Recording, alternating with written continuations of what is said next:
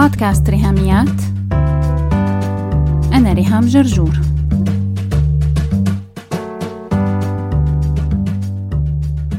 مرحبا كل سنة وانتو سالمين. هاي معايدة من القلب لكل تاء مبسوطة سالمة. معايدة إلك لكل أنثى ناطقة باللغة العربية حول العالم. معايدة بمناسبة شهر آذار مارس شهر الربيع شهر الأنثى شهر الورد والفراشات وكل شي حلو. شهر الأمل بمواسم جديدة بحياتنا تتفتح بعد صقيع بعد عزلة بعد ضباب بعد جمود بعد سبات لهيك حلقات بودكاست ريهاميات لشهر آذار مارس 2022 رح يكونوا عن موضوع يخص كل أنثى موضوع بيهم كل تاء مبسوطة سالمة. بس لو انت هاي أول حلقة لك بتسمعيها من بودكاست ريهاميات وجديد عليكي مصطلح تاء مبسوطة سالمة فبشجعك تتفرجي على الفيديو يلي بشرح فيه هالتسمية. تاء مبسوطة سالمة هو عنوان course مجاني 20 فيديو بسنة 2020 راح أحط لك link لفيديو واحد بس من ال course وهو يلي فيه شرح اسمنا وشعارنا. تاء مبسوطة سالمة بتلاقي ال link مع notes هالحلقة ولو بتفضلي تسمعي المحتوى audio فبتلاقيه هون على بودكاست ريهاميات حلقة رقم 97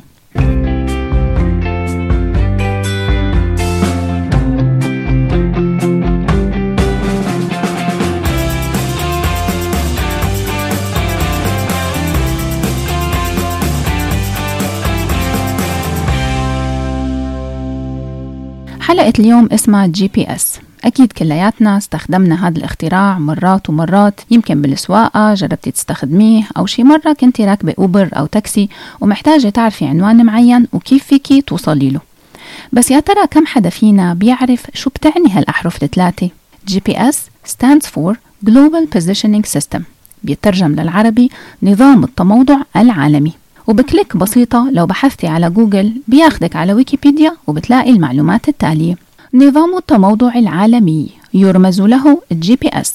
هو نظام ملاحة عبر الأقمار الصناعية يقوم بتوفير معلومات عن المواقع والوقت في جميع الأحوال الجوية في أي مكان على أو بالقرب من الأرض حيث هناك خط بصر غير معاق لأربعة أو أكثر من أقمار ال GPS. يوفر النظام قدرات مهمة للمستخدمين العسكريين والمدنيين والتجاريين في جميع أنحاء العالم. أنشأت حكومة الولايات المتحدة النظام وهي التي تحافظ عليه وجعلت الوصول له مجانيا لأي شخص لديه جهاز استقبال GPS. مشان ما تنامي مني لأني بلشت أسمعكم عم تتاوبوا. المعلومات بتكمل عن تفاصيل تقنية وهندسية وأنه نظام أسسته أمريكا سنة 73 وشو علاقة روسيا فيه ووكالات الفضاء إلى آخره إلى آخره. هلأ المعلومة يلي ما رح تلاقيها تلقائيا على ويكيبيديا غير إذا عملتي لها بحث خصوصي بكلمات مختلفة هي المعلومة يلي عرفتها من بنتي لما مرة إجت من المدرسة عم تقلي عارفة يا ماما إنه أساس اختراع ال GPS؟ من واحدة ست عربية اللي اخترعت الجهاز اللي اسمه الاسطرلاب اللي منه عملوا ال GPS. يعود اختراع هذا الجهاز إلى عالمة الفلك العربية مريم الأسطرلابي التي عاشت في القرن العاشر الميلادي.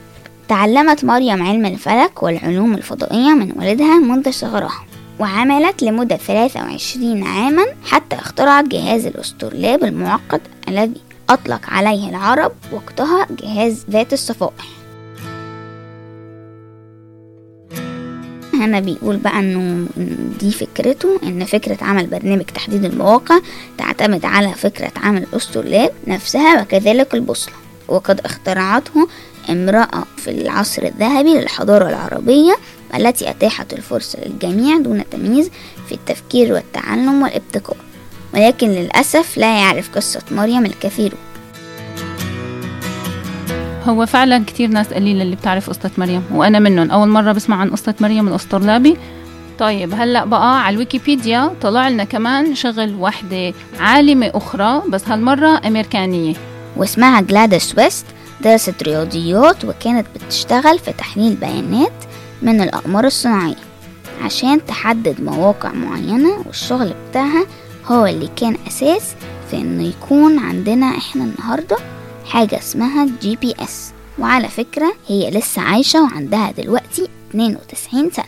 يا لولي شكرا على هالمعلومات القيمة. يعني البشرية مدينة لاثنين سيدات علماء واحدة منهم عربية وواحدة منهم Black American woman إنه شغلهم وعلمهم وأبحاثهم عبر السنوات وصلونا اليوم إنه يكون عنا GPS يدلنا على الطريق ويخبرنا معلومات عن المسار يلي رح نمشي عليه. لو محتاجين نغير اتجاهنا نتجنب الزحمة نختار طريق فرعي وإلى آخره من المعلومات الاسترشادية.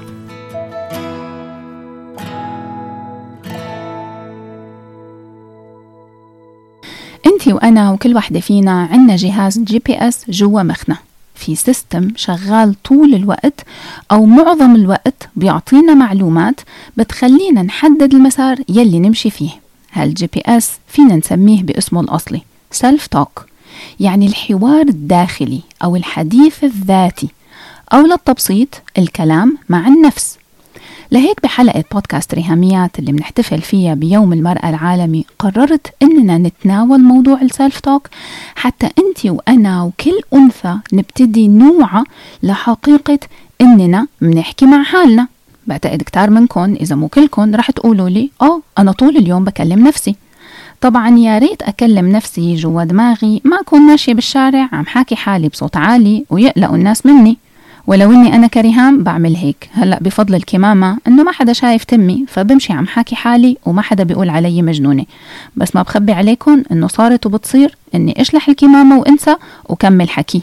يا لهوي ليش مهم إنك تنتبهي للسيلف توك لأنه هذا الحديث الداخلي يلي عم يدور براسك هو اللي عم يحدد مسارك بيومك وبالتالي مسارك بحياتك. الطريقة يلي بتحكي فيها مع حالك والكلام يلي بتقوليه لنفسك له سلطان عليكي وبيأثر عليكي سواء بطريقة بناءة أو تخريبية. بهالحلقة رح نتعرف على عملية الحديث الداخلي ورح ناخد واجب homework نعمله خلال الأسبوعين الجايين لنوصل لحلقة recenter ويكتمل موضوعنا. هلأ لو بدنا نحط تعريف لل self talk فهو بكل بساطة إنك انت تحكي مع حالك. طيب هو مين أنت يلي عم تحكي مع نفسك؟ وين الجزء فيكي يلي هو المتكلم والجزء فيكي يلي هو المتلقي أو المستمع؟ طيب مين أنت؟ مين هي ذاتك يلي عم تخاطبيها أساسا؟ قبل ما ندخل بجعلصات الفلسفة والتوهي مني بدي اياكي تتخيلي حالك بكل بساطة كشخصية أفاتار. يعني هاتي صورتك العادية وحطيها جوا application على موبايلك. بتعمل لك شكلك شخصية لعبة فيديو. ماشي؟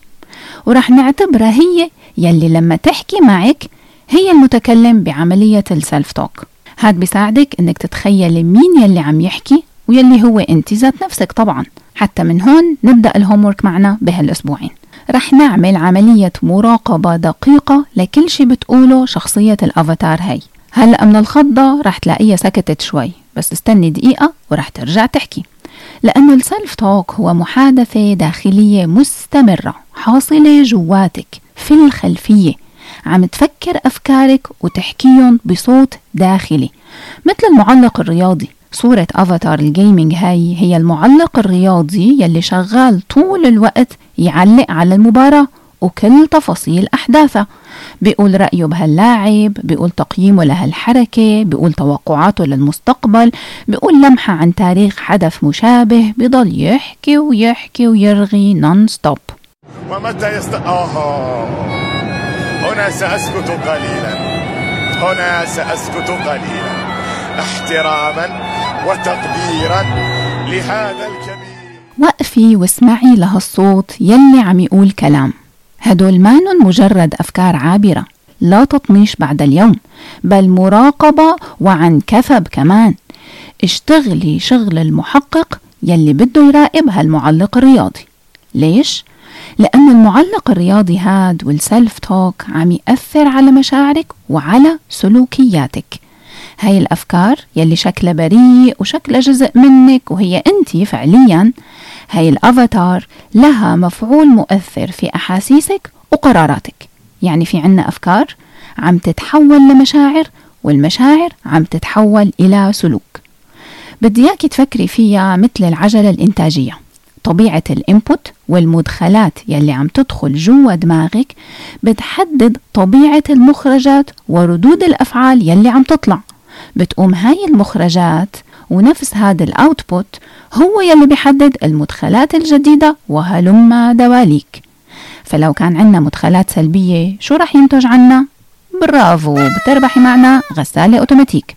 المدخلات السلبية ينتج عنها مستخرجات سلبية بترجع تدخل تاني بنفس السلبية. فهي دوامة منعلق فيها كحلقة مفرغة.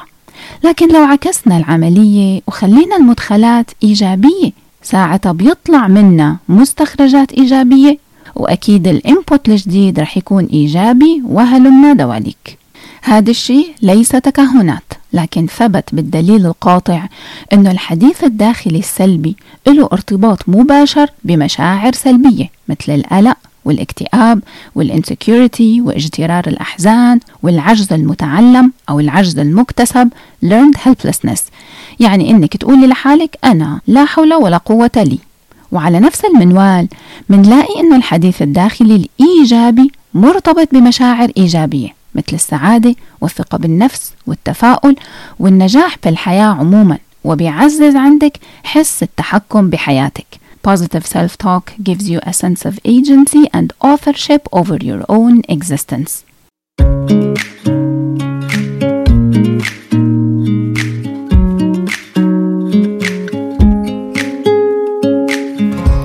نايا والصبايا. الكتاب الأول من نوعه بالعالم العربي. دليل المراهقات لفهم سن البلوغ والدورة الشهرية. هالموسوعة هي كتاب مصور 52 صفحة ملونة بالكامل مع هدية 64 sticker لتتبع الدورة الشهرية في planner 2022 أو أي notebook.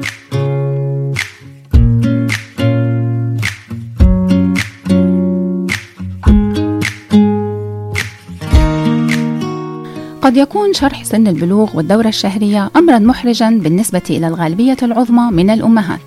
لذا فإن الهدف من كتاب نايا والصبايا هو أن يساعدك عزيزتي الأم في تهيئة ابنتك وإعدادها للتعلم عن فكرة الحيض.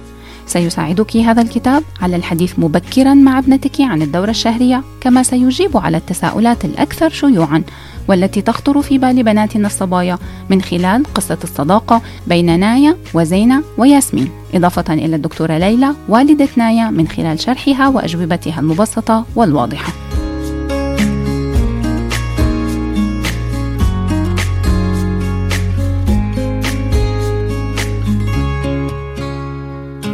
بيتناول كتاب نايا والصبايا ثلاث موضوعات أساسية. الفصل الأول سن البلوغ. الفصل الثاني الدورة الشهرية. والفصل الثالث الصحة والنظافة.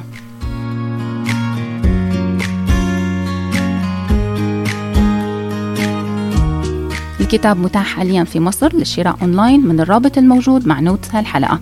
الشحن لكل المحافظات والدفع عند الاستلام. حملي تطبيق ريهاميات واستفيدي من الهدايا ومن الخصم.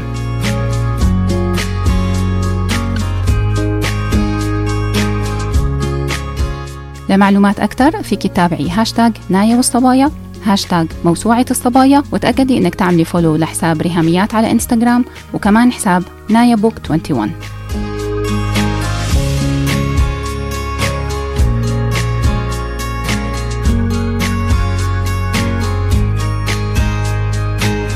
نايا والصبايا الجزء الأول من موسوعة الصبايا. لا تنسي تتفرجي على الفيديو المتاح على قناة ريهام جرجور على يوتيوب. بس هيك.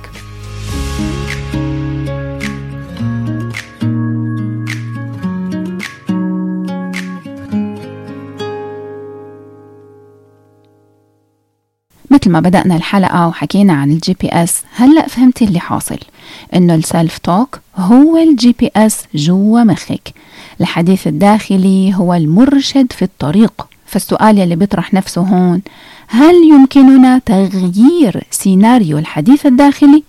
إنه نعمل إعادة كتابة للحوار والجمل يلي منقولها لحالنا جوا دماغنا ويلي ما حدا غيرنا سامعها. هون بيجي وقت ال homework أول شي رح تعمليه إنك تراقبي حديثك الداخلي. بهالأسبوعين حاولي كل ما لقيتي حالك عم تحكي مع حالك إنك تكتبي هالأفكار. ولو ما متاح لك الكتابة فحاولي إنك تلاحظيها وتتذكريها. بالبداية رح تلاقي الأمر صعب. لهيك كتجربة أولى بشجعك إنك تخصصي وقت لهالتمرين. اختاري مكان هادي تقعدي فيه مثل البلكون مثلا أو تتمشي بشي جنينة. وحددي وقت say ربع ساعة.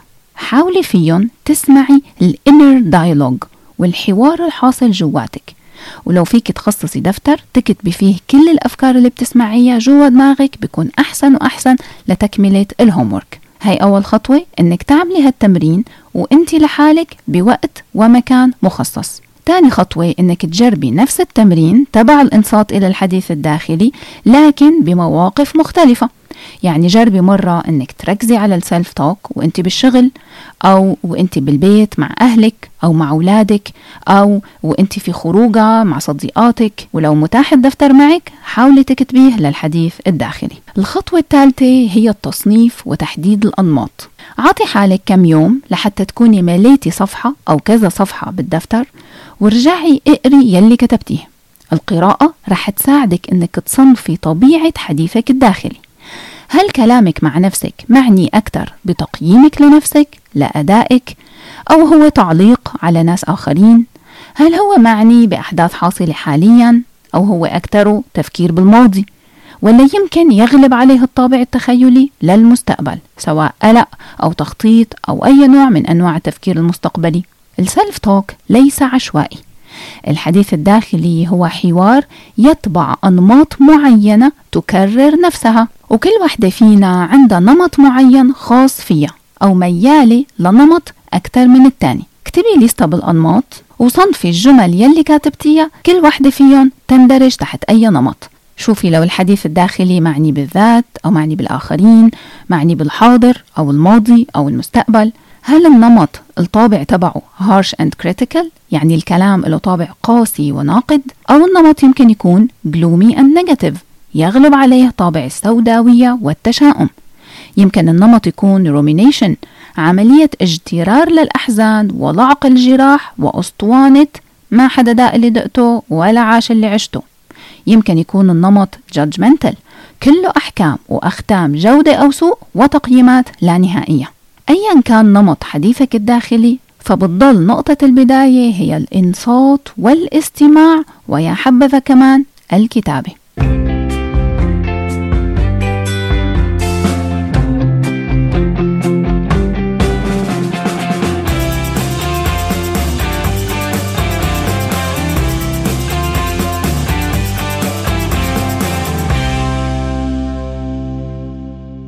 تصنيف حواراتك الداخلية تحت بنود الأنماط المختلفة رح يساعدك تعرفي إذا كان حديثك الداخلي constructive ولا dysfunctional. كلمة constructive بتترجم بكل بساطة لكلمتين أحلى من بعض بناء واستدلالي. أما كلمة dysfunctional فتفرجوا ما أحلى هالترجمة. مختل وظيفيا فعلا مصطلح معبر لأقصى درجة عن مفعول الحديث الداخلي السلبي. يعني بالنهاية الكلام مع النفس إما هو كلام بناء واستدلالي أو هو كلام مختل وظيفيا. بمسلسل البحث عن علا في جزئية شدتني كتير ورغم كثرة الحديث عن المسلسل والتحليلات والآراء ما حدا ركز على هالزاوية. أكيد لاحظتي كيف الفنانة هند صبري كل شوي بتطلع على الكاميرا وبتحكي مع عدسة الكاميرا. إخراجيا أو على ما أعتقد يعني إنه السيناريو مكتوب بقصد إنه هي تخاطب الجمهور يعني عم تحكي معنا نحن المشاهدين. لكن الزاوية يلي أنا شفت فيها هالحركة هي زاوية سيلف توك علا عبد الصبور كل شوي بتقطع مشاهد يومها ومجريات أحداث حياتها وبتحكي مع حالها. بتعمل حديث داخلي مضفور ومجدول بكل انسيابية جوا الأحداث المحيطة. الإنصات للحوار الداخلي هي عملية بتجي مع التدريب. يمكن بالبداية تحسيها غريبة أو صعبة لكن مع الوقت رح تتعودي عليها ويصير فيكي تعمليها تلقائيا بدون أي مجهود. ولو لقيتي حلقة اليوم عملت لك حيرة وخلقت عندك تساؤلات فاستني الحلقة الجاي بعنوان ري سنتر موعدها يوم الجمعة 18 آذار مارس 2022 فبشوفك على خير إن شاء الله بحلقة عيد الأم من بودكاست ريهاميات. بس هيك. هي الحلقة تبقى قد إيه يعني؟ عادي تبقى طويلة عموما يعني. طوليها عادي؟ عشان دي هتكون بقى حلقة عيد الأم بقى وعيد المرأة. هو يوم المرأة بس يعني. فأنا لو عادي تبقى طويلة يعني مش لازم لازم يبقى تلت ساعة فخليها طويلة كده فاهمة؟ ما تخافيش الناس بتسمع الحلقات يعني هي هم لو فعلا متابعين حقيقيين لبودكاست رهاميات يبقى هم هيسمعوا أكتر من من تلت ساعة. تقولي. غير كده إنه تلت ساعة قليل أصلا. تقولي موضوع كامل في تلت ساعة فلا يعني لازم بس هو الناس بتحب الحاجات السريعة يعني. لو عجبتكم الحلقة لا تنسوا تشاركوها على ال social media حتى ناس أكثر تستفيد. تقدروا تتواصلوا معي عبر الموقع الإلكتروني لبودكاست ريهاميات www.rihamiat.com أو تبعتوا لي إيميل على ريهاميات at gmail.com أو message واتساب على الرقم 020 12 79 709 719 وعلى الفيسبوك دايما تابعوا صفحة وهاشتاج ريهاميات. سلامات.